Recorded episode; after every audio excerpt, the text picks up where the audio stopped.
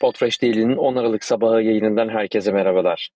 Bugün Spotify'ın podcast tarafındaki kesintileriyle güne uyandık. Dün geceden bu yana podcast dinleyicileri Spotify tarafında e, sıkıntının olduğuna dair mesajlar atmaya başladı. Yurt dışında ve globalde. Şirketten de bunun için bir açıklama yapılmış birçok user'dan, kullanıcıdan podcastleri mobilde ve desktop'ta dinleyemediklerine dair e, şikayetler aldık ve inceliyoruz diye bir yorum gelmiş. E, bugün eğer Spotify'ınızda bir takım sıkıntılar duyarsanız, görürseniz merak etmeyin. Muhtemelen Spotify kaynaklı ve çözmeye çalışıyor olacaklar. E, dün bir downtime yaşamış gözüküyorlar. Hala eğer e, problem yaşanıyorsa e, community sayfasından Spotify'ın şikayetinizi gönderebiliyorsunuz ve takip edebiliyorsunuz. Bilginiz olsun. Bugün Spotify ile ilgili sıkıntı yaşanıyor olacak gibi gözüküyor. E, haberlerimize geçelim. New York Times biliyorsunuz geçtiğimiz yıl içerisinde e, paywall arkasına geçerken bir yandan da podcast yayıncılığı tarafında e, ciddi satın alımlar gerçekleştirdi. Yeni yatırımlar yapmıştı. E, bir yandan da yeni bir mobil app çıkaracağı bilgisini almıştık geçtiğimiz dönemlerde. E, önümüzdeki yıl çıkacak app ama e, bir beta testini şimdiden duyurmuşlar. Axios'un yaptığı haberde e, New York Times'da bir görüşme röportaj yapılmış. Onların da görüşleri alınmış ve uygulama tanıtılmış. Bu haberin linkini de aşağı yine bırakıyor olacağız. E, uygulamanın adı New York Times Audio olacakmış ve içeride e, içerikler Times gazetecileri ve editörleri tarafından kürasyonları gerçekleştirilecekmiş. Yine e, hatırlarsınız aslında Times'ın en önemli podcastlerinden biri The Daily'di. Yine o içeride olacak. Bir reklam platformu olarak kullanmayacaklarını belirtmişler e, uygulamayı. Dolayısıyla uygulama içerisinde bir reklam görmüyor olacağız ama podcastlerin içerisinde reklamlar e, yayınlanıyor olacak. Burayı biraz daha kısa form podcastlerin yayınlanması için kullanacaklarını belirtmişler.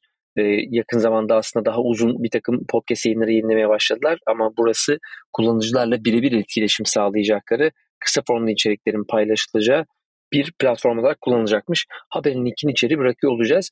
Gelin biraz da gene rakamlara geçelim. E, her yıl olduğu gibi yine Cumulus Media e, bir 2021 Fall Report'unu, kış e, raporunu yayınladı.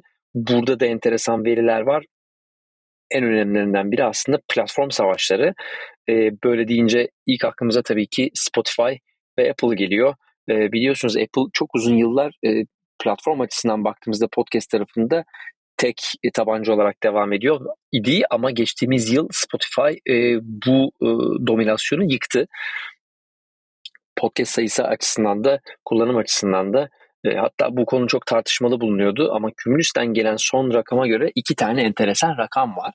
Bu platformların arasında hala e, podcast yayını olup podcast platformu olup olmadığını tartıştığımız YouTube içeride. Geçtiğimiz yılda da yine gerçi vardı. July 19 e, geçtiğimiz 2019 yılına baktığımızda Apple Podcast'ler %38 kullanılırken YouTube %33 idi.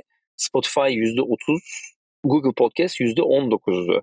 E, bu yıl çıkan kış raporuna baktığımızda birinci sırada %36 ile Spotify'ı görüyoruz. %34 ile YouTube'u görüyoruz. YouTube bir puan artmış. Apple Podcast %27'ye düşmüş %38'den. Google Podcast'te 19'dan %16'ya düşmüş. E, onda da bir düşüş var. Spotify e, 6 puan artmış. YouTube bir puan artmış. Apple Podcast ciddi bir düşüşte. E, 38'den 27'ye 3. sıraya düşmüş gözüküyor. Dolayısıyla e, eski dostumuz YouTube'un hala daha e, ikinci sırada yükselerek geldiğini, yavaş ama emin adımlarla yükselerek geldiğini görüyoruz. Spotify'a şaşırmıyoruz. Ama e, Spotify yanında YouTube bir podcast platformu mu dendiğinde hayır cevabını verebilmek çok da kolay değil. Hala e, arkadaki algoritma, dağıtım algoritması, yeni içerik keşfedebilme ve buradaki tabii ki ciddi dinleyici potansiyeli Spotify'ın ardından YouTube'u hala e, yayıncılar açısından da dinleyiciler açısından da önemli bir podcast platformu olarak e, içeriklerin dağıtım platformu olarak konumlandırıyor olarak gözüküyor. Burayı unutmamak lazım. Raporda öne çıkan bir takım farklı bilgiler de var. Bunlardan da biraz bahsetmek lazım. E, sonra raporun detaylı linkini paylaşıyor olacağım. E, burada reklamlarla ilgili de biraz çalışma gerçekleştirilmiş. 300 e, medya ajansına e, sorular sorulmuş bu e, rapor kapsamında.